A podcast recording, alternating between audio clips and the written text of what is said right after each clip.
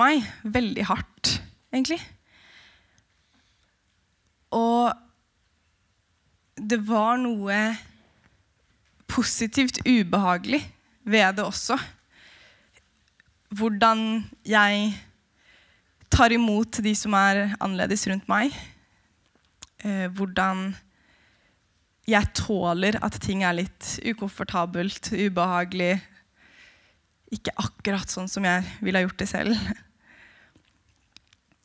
Og det har fått meg mye til å reflektere mye over eh, hvordan vi har det her i Norge. Også fordi det er på en måte lett å kunne se hvordan vi som kristne kan komme med håp og kjærlighet og noe kontrastfylt inn i land som lever i fattigdom, eller som har en veldig annen kultur, eller kanskje ikke er bygd på kristne verdier. Og jeg syns det er interessant når jeg jobber med ungdom også, å se hva de tenker når de får høre at verden trenger Jesus, vennene dine trenger Jesus, vi må ut. Ut og dele, ut og forsyne, ut og vise hvem Jesus er. For jeg tror det er veldig, veldig mange unge mennesker som sliter med å forstå den kristne sin plass i et samfunn som, hvor man egentlig lever veldig likt som mennesker som ikke er kristne.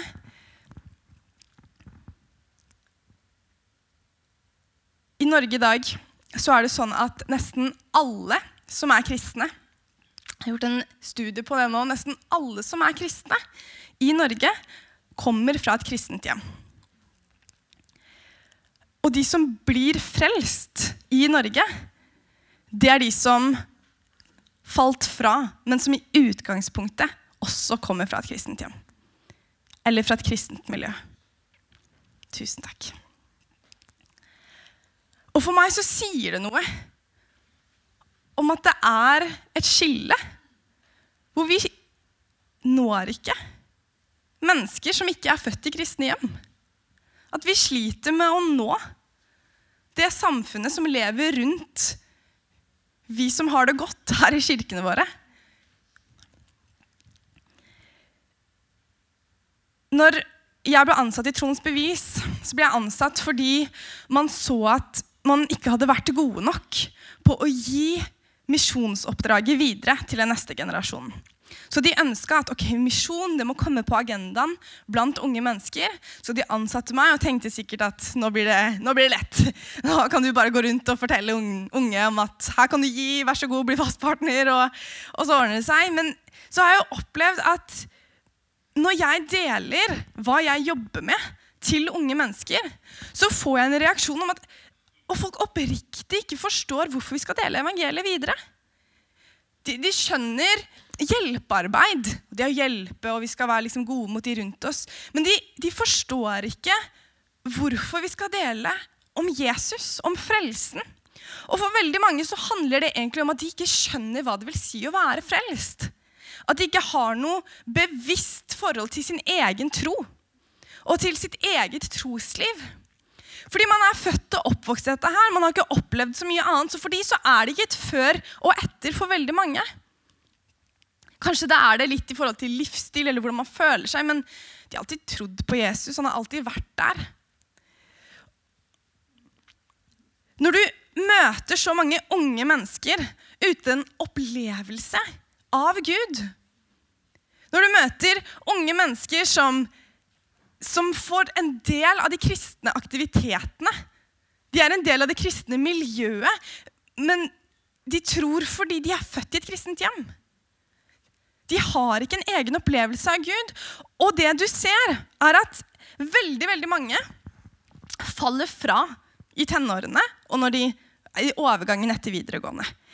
Eller de blir lunkne, troen vannes ut, de blir kanskje liberale, de legger fra veldig mye av det troen handler om. Veldig veldig mange unge mennesker blir veldig frustrerte. De opplever at ting uklart motstridende, utrolig mange spørsmål. Og det er veldig mange unge som går rundt med en stor troskamp på innsida uten at de egentlig vet det selv. Fordi de har ikke en bevisst forhold til troen sin, så de, de vet ikke engang at det er en troskamp. Men man bare går rundt isolert med disse tingene på innsida. Og så ser du veldig mange unge mennesker uten en egen opplevelse av Gud, som også blir Det er en ny trend på en sånn konservativ bølge. Det vil egentlig si mange unger, mennesker, som hører at å, vi må gå ut. Og det appellerer til dem, for de kanskje ikke har hørt det så mye da de var yngre. eller fått opplevd det selv. Og så ser du at veldig, veldig mange dreier rett over i en veldig sånn ekstrem holdning, hvor de blir veldig harde. Hvor de tar det som veldig, noe veldig positivt at ingen liker dem. Eller at de blir forfulgt og får dårlige kommentarer og får kritikk fra menneskene rundt dem. Og så tar de det veldig som et positivt tegn. Fordi jeg er jo Jesu etterfølger. Og man leser Bibelen, og man tar vers, holder fast på det, uten å egentlig kjenne Jesus.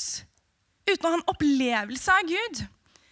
Så man holder seg egentlig mer til en oppskrift man tror det er en oppskrift, for det er lettere enn å ta tak i den manglende gudsopplevelsen. Og Grunnen til at jeg sier dette, her er fordi dette er den generasjonen av unge kristne mennesker som vokser opp. En gjeng med mennesker som er oppvokst i kristne hjem, men likevel mangler en gudsopplevelse og sliter med sin tro på forskjellige måter. Så det er veldig fascinerende også å høre hva kristne, hva samfunnet tenker om de kristne. Har du noen gang spurt kollegaene dine, vennene dine? Det har vært veldig interessant å høre hva slags bilde de har av hvem de kristne er.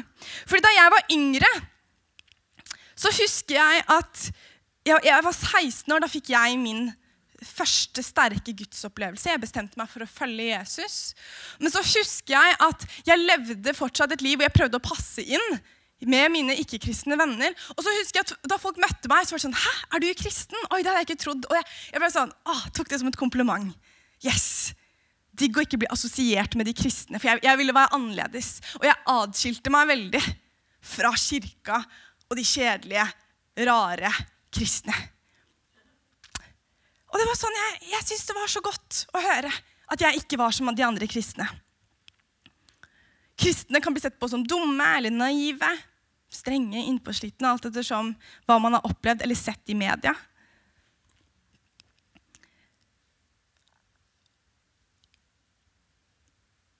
Og når jeg har lest og jeg opplever å bruke tid i Guds ord, og jeg får lov til å jobbe med Ingen utelatt-aksjonen, så er det noe i meg som er sånn Hva er det vi driver med? Det, her må vi gjøre noe. For hele målet er jo å nå samfunnet vårt på forskjellige måter. Er, er ikke det målet? Er ikke det oppdraget vårt? Vi skal kjenne Jesus, selvsagt, men vi skal jo nå samfunnet vårt. Så det er jo et problem hvis resten av samfunnet titter bort på de kristne og rister på hodet? Det er jo et oppriktig problem. Eller hvis de unge kristne som vokser opp i dag, ikke vet hva de representerer, eller vet egentlig hva frelsen er engang, og skal ut der og representere Jesus og vise hvem han er, og hans kjærlighet, uten å kanskje egentlig ha forstått den selv, det er jo et problem. Og dette skillet med at vi egentlig bare når hverandre For meg så har det nesten blitt litt sånn fascinerende å lese brevene og lese i Bibelen om jøder og hedninger. Jødene, som var det utvalgte folkeslaget til Gud, som hadde hatt Gud for seg selv i så mange år så mange tusen år hadde de fått lov til å ha Gud for seg selv. Og så plutselig, over natta, så skal alle ha tilgang på den guden som var vår. Og ikke bare at de skal ha tilgang på han. Ja, det var fint, flott, men de skal også inn i kirkene våre. De skal også begynne å, å lede og tjene og synes. Disse folkeslagene som lever helt annerledes enn oss. Disse utenfor. Som har helt andre verdier, en helt annen livsstil. En helt annen måte å mingle på. De skal være en del av det vi har fått lov til å ha i så mange år. Og jeg skjønner at det var ubehagelig for jødene. At det, var, det gjorde noe med dem, for det er jo noe med de tradisjonene man har. Her skal det ikke omskjæres engang. Er ikke ekkelt? Forhud? Æsj! Hallo!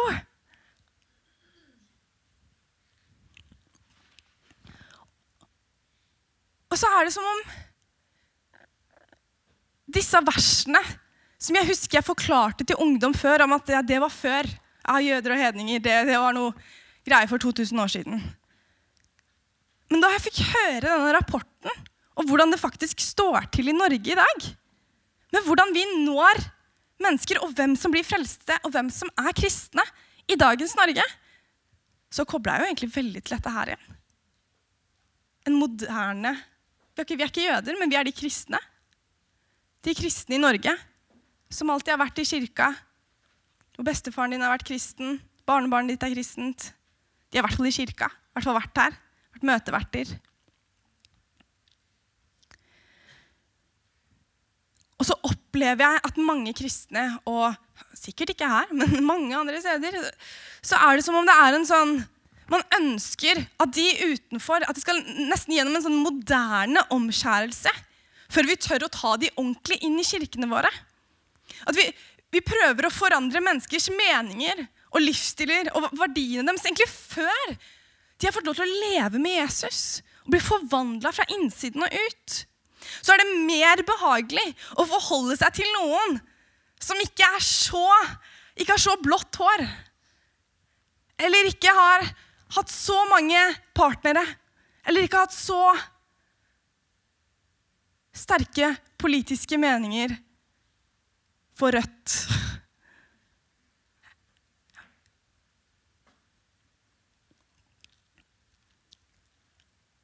Og jeg opplever det også blant de unge kristne i ungdomsarbeidene våre, på leirene våre. De aner ikke hvordan de skal prate med mennesker som ikke er kristne. De aner ikke hvordan de skal forholde seg til dem med troa si.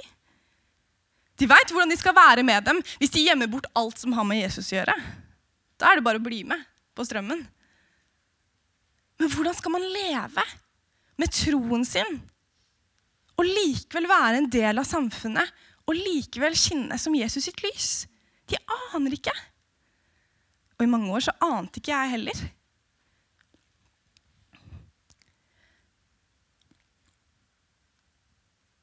Det er noe med det at Gud er alles Gud. I Romerne kapittel 3 vers 29-30 Det kommer opp på skjerm også. Så står det her hadde det samme problemet når jødene og hedningene sto imot hverandre. Er vel Gud bare jødenes gud? Og jeg har oversatt det for dere. Er det bare de kristnes gud? Er han, er han bare Gud for oss som er født i et kristent hjem? Er så heldige? Er det bare vi som skal få lov til å ha han? Er han ikke også Gud for alle andre i samfunnet vårt? For alle andre i Flekkefjord, i Rogaland, i Agder, i Norge? Jo, også for dem. Historien gjentar seg. Tenk at vi er så heldige som får bo i et kristent land, men så har vi likevel klart å isolere oss. Norge er så heldig som får lov til å ha frie kirker, ha trosfrihet, ha ytringsfrihet. Og så har de likevel ikke kontakt med de kristne. Og så får de likevel ikke tilgang på Jesu kjærlighet. Og jeg setter det litt på spissen, for jeg vet at det er veldig mange her som gjør utrolig mye bra. Jeg fått lov til å høre om englevakten, og det er mye mye bra arbeid som gjøres. Og jeg syns det er så fantastisk når jeg hører også om kommuner og samfunn som omfavner kristent arbeid. Hvor de kristne får lov til å forandre ryktet. Og hvem de er, og hva de holder på med, og hva de er opptatt av. Jeg syns ikke det er så rart at når jeg hilser på noen nye som ikke er kristne, og jeg forteller at jeg er kristen, at de første spørsmålene jeg får, er hva jeg tenker om homofili og abort. Fordi det er det vi har løfta opp. Det er det som har blitt snakka høyest om. Det er ikke rart at det er noe som blir assosiert med det å være en kristen. Og jeg tror at disse kampsakene disse faklene som er en del av det å være en kristen. Når det blir tatt bort fra alt annet og løftet opp, sånn som det blir gjort i media, og At det er det folk tar liksom når de, når de er på skolene, unge mennesker, og det er det de velger å prate om og er stolte av å stå på, men de hilser ikke på noen andre i gangene. De snakker vel stygt om læreren sin sammen med de andre så, så syns jeg ikke det er rart at kristne har en bismak i det norske samfunnet. Når vi sier at vi skal være en kontrast og noe annerledes, for det står det jo. Vi skal ikke være av verden. Det står det.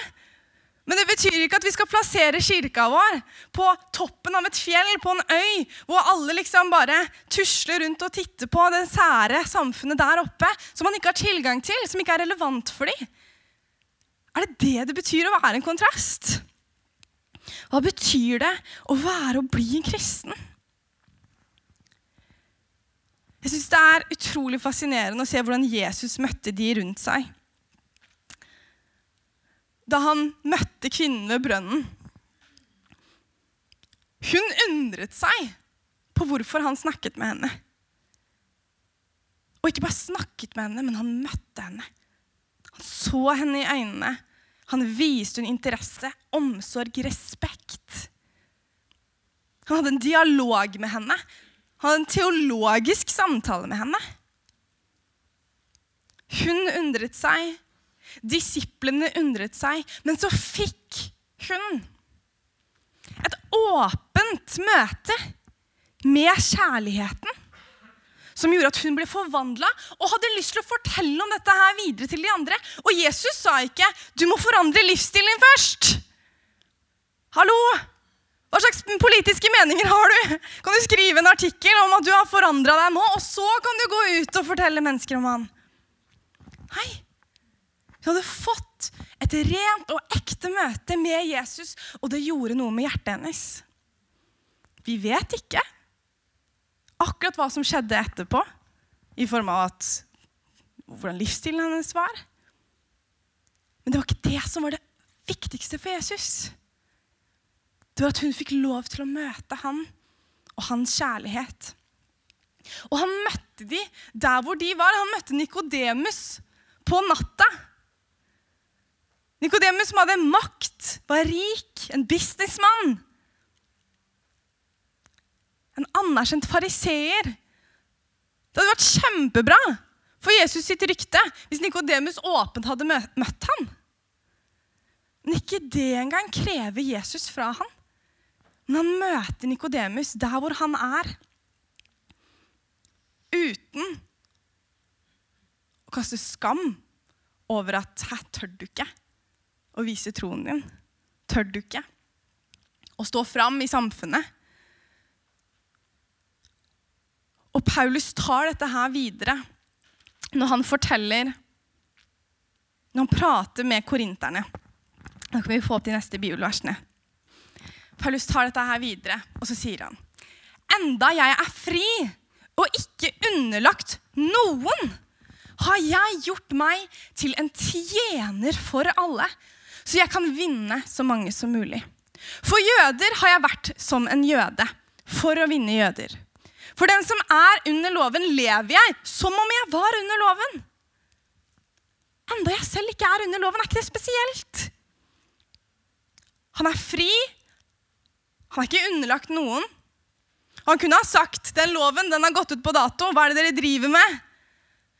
Man går ned på dem sitt nivå, lever som om han var en del av de, og kommer med Jesu lys og kjærlighet til de. Og så neste. Neste bibelvers. For dem som ikke har noen lov, lever jeg som om jeg var uten lov, for å vinne dem. Enda jeg ikke er uten lov for Gud, men er bundet av Kristi lov, kjærlighetens lov. For de svake er jeg blitt svak, for å vinne de svake. For alle er jeg blitt alt, for på alle mulige måter å frelse noen. Alt gjør jeg for evangeliets skyld.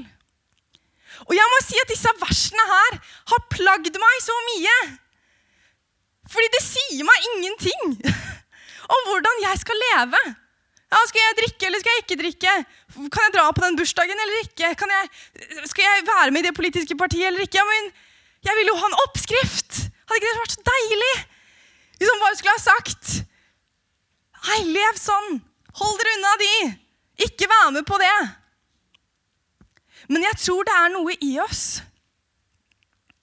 som alltid kommer til å søke det behagelige søke det faste, søke disse oppskriftene, også i Guds ord. Gjøre avguder av bibelvers. Når Gud egentlig først og fremst kaller oss til en levende relasjon med Han, hvor vi kan bli ledet av Den hellige ånd og forstå at uavhengig av hvilken situasjon du befinner deg i Vi er her med så mange forskjellige venner, så mange forskjellige familier, så mange forskjellige livssituasjoner. Og Gud ser det, og han forstår det. At vi er i forskjellige situasjoner, alle sammen. Og Derfor vil han at sin ånd skal lede deg til de menneskene du er med. Og du skal være drevet av kjærlighet til de menneskene. Om det så betyr at du må gjøre noe du vet at du ikke trenger å gjøre. Eller at du må gjøre noe du vet at de kommer til å riste på hodet for, men du gjør det av kjærlighet for den personen du ønsker å nå. Jeg har vokst opp med en pappa som er pakistansk. Og det har vært veldig fint, og så har det vært veldig vondt. En av de tingene som har vært veldig vondt, det har vært at i hans kultur så ser man ganske annerledes på jenter. Så da jeg ble født, så skjedde det noe med hans hjerte, hvor det kom frykt inn, skuffelse inn. Det, det, han skjønte nå at nå må han oppdra en jente i dette norske, vestlige samfunnet hans. Og familien hans også bodde i Norge. Og etter hvert så ble kontrollen over meg eh, større.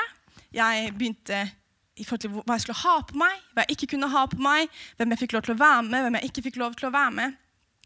Og kontrollen etter hvert ble så stor at det var fare for livet mitt. Og da jeg var tolv år, så brøt mamma og pappa opp da hun fant ut av det som skjedde. Og eh, jeg måtte gå med voldsalarm og få, ha fikk besøksforbud. Og det var en ganske intens situasjon. Så da jeg begynte på ungdomsskolen og på en måte var fri fra den barndommen og hadde lyst til å begynne å leve mitt liv, så husker jeg at jeg, jeg sleit så mye med hva jeg fikk lov til å gjøre og ikke fikk lov til å gjøre av Gud. Og når jeg begynte å vandre med han og blitt bedre kjent med Guds kjærlighet for meg, og forstå at jeg er fri, uavhengig av hva mennesker prøver å påføre meg, så har jeg merka at jeg har blitt så fri at jeg bryr meg ikke om hva jeg må bli underlagt i det menneskelige, så lenge jeg kan nå noen. Og For meg har det vært utrolig viktig å kjenne at jeg er fri. Og jeg har gifta meg, meg for tre år siden. En fantastisk mann og vi har hatt mange samtaler hvor jeg har kjent på mye sårhet. ikke sant? Det Er sånn, Åh, er vi likeverdige? Jeg som jente og liksom, Jeg har hatt masse kamper som Gud heldigvis har vært med meg gjennom. Men i fjor så skulle vi til Mali på misjonstur. Og jeg ble utfordra til å preke. Og i dette området så var det ekstremt konservative muslimer. Og til og med de kristne syntes det var veldig utfordrende at det skulle være en dame som skulle preke. I hvert fall en jentunge ikke sant, i deres øyne. 23 år gammel. Hallo. Og så snakka jeg litt med han ene lederen der. Fordi de var eh, for det første litt redd for sikkerheten min. Det var bevæpna vakter rundt scenen. og sånt. For vi skulle ha en sånn kampanje hvor vi skulle dele evangeliet til de eh, i landsbyen. Og han som jeg var med, hadde veldig lyst til at jeg skulle dele vitnesbyrdet mitt og også fortelle litt om min muslimske bakgrunn. Og for at menneskene i det hele tatt hadde lyst til å høre på, så skjønte vi at vi måtte ta noen grep. Og en av de grepene vi gjorde, var at mannen min ble med meg opp på scenen og sto med meg og skulle godkjenne at han, han sto bak dette her. Jeg var under mannen min sin supervision, holdt på å si, at han fulgte med og han passa på, sånn at de skulle være beroliga på at eh, hun her driver ikke og løper rundt, liksom, men her er det kontrollert. Og for min del så kjente jeg at det var så godt å kjenne på at om jeg måtte ha stått der i en burka, så hadde jeg gjort det. Så lenge de fikk oppleve og høre om Jesus. Uavhengig av min bakgrunn, og at det kanskje hadde føltes sårt for meg. For jeg, ikke, jeg hadde den bakgrunnen jeg hadde. Jeg ønska ikke å bli liksom underlagt en mann gjennom hele den pakka der. Men jeg visste at jeg er fri. Jeg tilhører Jesus. Men det er så mange mennesker som ikke har fått hørt det og opplevd det og trenger min historie. Så jeg gjør det jeg kan ut av kjærlighet for at de skal få høre evangeliet. Så jeg legger meg under loven, loven for de. jeg legger meg under frihetens lov, jeg legger meg under kjærlighetens lov. Alt for evangeliets skyld. Jeg tror nå skal jeg gå mot avslutningen, men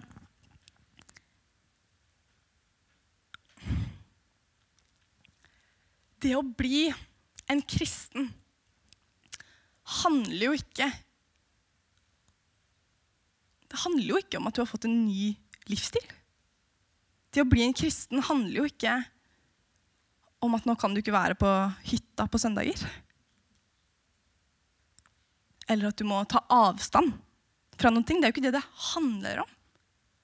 Å bli kristen er jo en total åndsforvandling. Du er fortsatt et menneske, men du er også noe mer. Jeg synes Det er utrolig fascinerende at Bibelen bruker ordet at vi er en ny skapning. Så du er ikke bare et menneske lenger, men du er en ny skapning. Du ser ut som et menneske. Du har en menneskes følelser og bagasje, dessverre. Men du er også noe mer. Du har fått en helt ny ånd som mennesker her ute ikke har. Det er det som er realiteten. De har ikke Guds ånd på innsida. De har ikke det håpet de kan lene seg tilbake på. De har ikke det lyset de kan lene seg på når ting føles mørkt. Eller den styrken å lene seg på når de opplever at det ikke er noe mer styrke igjen. Og Det er ikke bare det at vi har ting vi kan lene oss på, men vi har også fått en evighet sammen med Gud. Og det som skal drive deg og meg, og her kommer de gode nyhetene Det er faktisk ikke din kjærlighet til mennesker som driver oss. Men i 1. Johannes 4,19, som det står i min giftering Det er der det kommer fra, ikke Bibelen. Så står det at vi elsker. Vi kan elske fordi han elsket oss først. Tenk at det eneste budet Gud ga oss, var at vi skulle elske og så ga han oss til og med kjærligheten for å kunne elske. Da blir jeg helt sånn hva, hva er det igjen for meg, Gud? Hallo, du har gjort alt klart. Dette her er jo gjennomtenkt, Gud. Det er virkelig nåde. Det er så ufortjent. Det er ingenting vi har gjort for å kunne fortjene den kjærligheten. Og så jobber vi likevel i egen kraft for å prøve å elske mennesker, og vi blir utbrent. Og så sliter vi med å elske oss selv, og så blir vi deprimerte. Og så sliter vi med å, med å elske Gud, og så føler vi oss skyldbetynga. Og så glemmer vi kanskje at til og med kjærligheten har vi fått i gave. Og den kjærligheten blir du ikke kjent med aleine.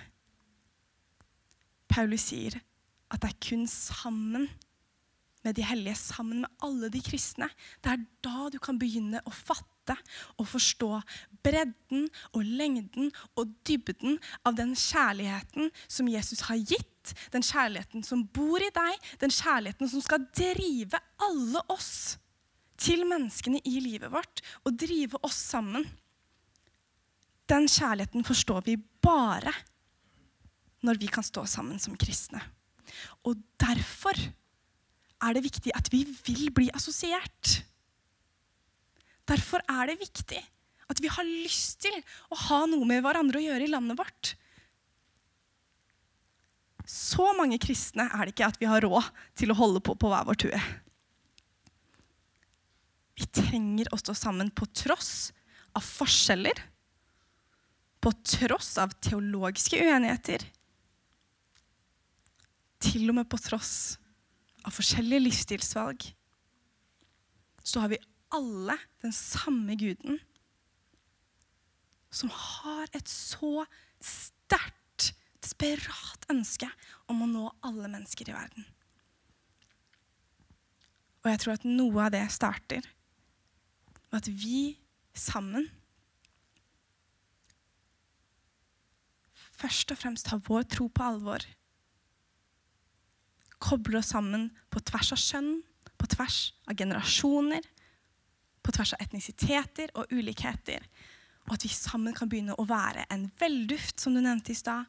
Være et bilde som er attraktivt og åpent, for veien er åpen, så la oss ikke legge blokker ned i den.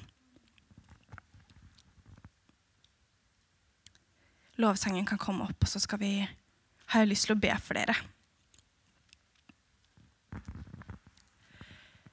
Eller ikke noe lovsang. Nei, hvis det ikke er noen lovsang, så bare ber jeg. Det går fint. Ja? Kan vi ikke reise oss opp?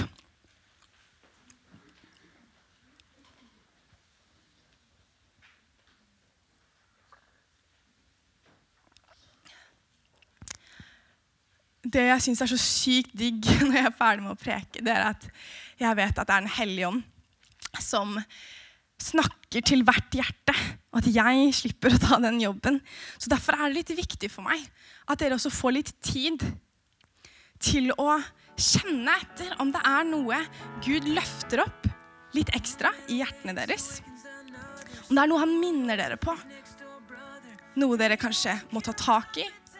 Kanskje noen mennesker i livet deres han minner dere på. Kanskje han minner deg på noe bra du gjør, som du bare skal fortsette med. Han er stolt av deg, fornøyd med deg. At du kanskje trenger å bare ta imot og forstå den kjærligheten han har til deg. Jesus, jeg takker deg for disse fantastiske menneskene her, som er dine barn. Og jeg ber at de som en kirke, at de som kristne, skal få lov til å begynne å koble seg enda mer sammen. Hjelp dem med å ta tak i de tingene som gjør det vanskelig for dem. Assosieres med andre kristne, som gjør det vanskelig for dem å dele troen sin med det samfunnet utenfor. Og i Jesu navn så bare ønsker jeg å bryte det mønsteret om at det bare er de kristne som blir frelst, eller som får lov til å høre om deg. Vi ønsker bare å bryte det i Jesu navn og bryte ned de unødvendige veggene vi har satt opp, Jesus. Hjelp oss med å flyte ut i samfunnet og være drevet av din kjærlighet. Så jeg bare ber om at du skal fylle menneskene her opp med en kjærlighet for seg selv, en kjærlighet for de rundt seg og samfunnet sitt, og en kjærlighet for deg, Jesus. Og jeg takker deg for at du leder dem på hver vei de går på, Jesus. Og jeg ber også for de menneskene som sliter med å finne sin plass i misjonsoppdraget. som er redd for at de må forandre noe ved seg selv for at du skal akseptere dem og ville ha dem. Men jeg ber om at de skal få lov til å oppleve at du vil ha dem. Sånn som du har skapt dem, Jesus. At de skal oppleve at det er en plass til dem. At det er plass til deres humor, deres personlighet og interesser. Og så ønsker jeg også bare å be for den unge generasjonen her, Jesus. At du skal vekke dem opp. At de skal få oppleve at du lever, og at det skal være den opplevelsen sammen med andre kristne og sammen med ditt ord, at det skal være det som driver dem framover, Jesus. Hjelp oss med å nå dem. Hjelp oss med å snakke med dem. Vi ønsker ikke at noen skal være utelatt, Jesus. Fra din kjærlighet og fra det håpet vi har, og fra evigheten vi har med deg. Vi ønsker ikke at noen skal være utelatt fra det, Jesus. Og jeg ber om at Pinsekirka Flekkefjord skal få lov til å være et forbilde og et eksempel på det. På hvordan de omfavner Flekkefjord på hvordan de lever med kjærligheten på utsida, og kjærligheten først. At det skal være et godt rykte om de kristne. Og at kirkene skal begynne å fylle seg opp. Fordi de hører så mye bra om det de kristne gjør for de minste. At de hører så mye bra, opplever så mye godt fra de kristne som er her, at de vil vite hvem de tjener, hvem de lever for, og at de kan kjenne deg, Jesus. Jeg ber for lederskapet her. At de skal kjenne på en visdom i hvilke valg de skal ta, i hvilken retning de skal ta kirka.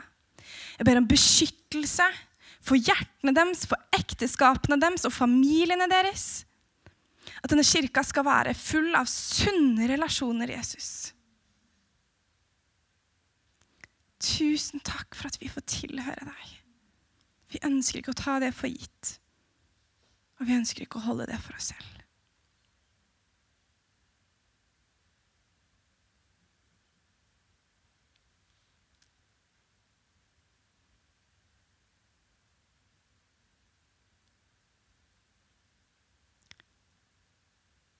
Jesus ønsker å helbrede hjertet ditt. Den urettferdigheten som har blitt påført deg, og de sårene som får lov til å bli betente. Det hindrer deg fra sunne relasjoner. Og Jesus vil helbrede det. Han vil rense det. Og du vil oppleve et nytt lys. En ny livsglede. Og en letthet i livet. Han ser deg. Han vet hva du går gjennom. Han har ikke glemt deg.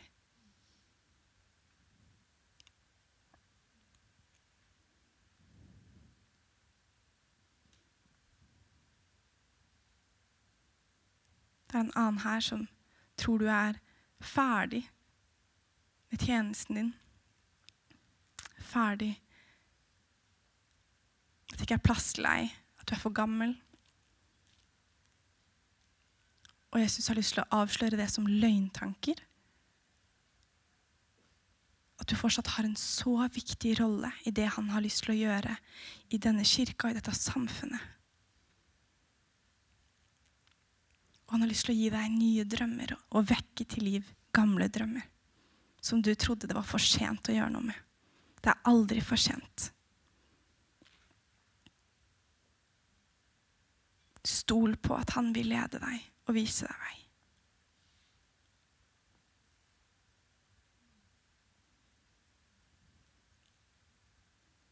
Velsigne denne menigheten og menneskene her i Jesu navn. Amen.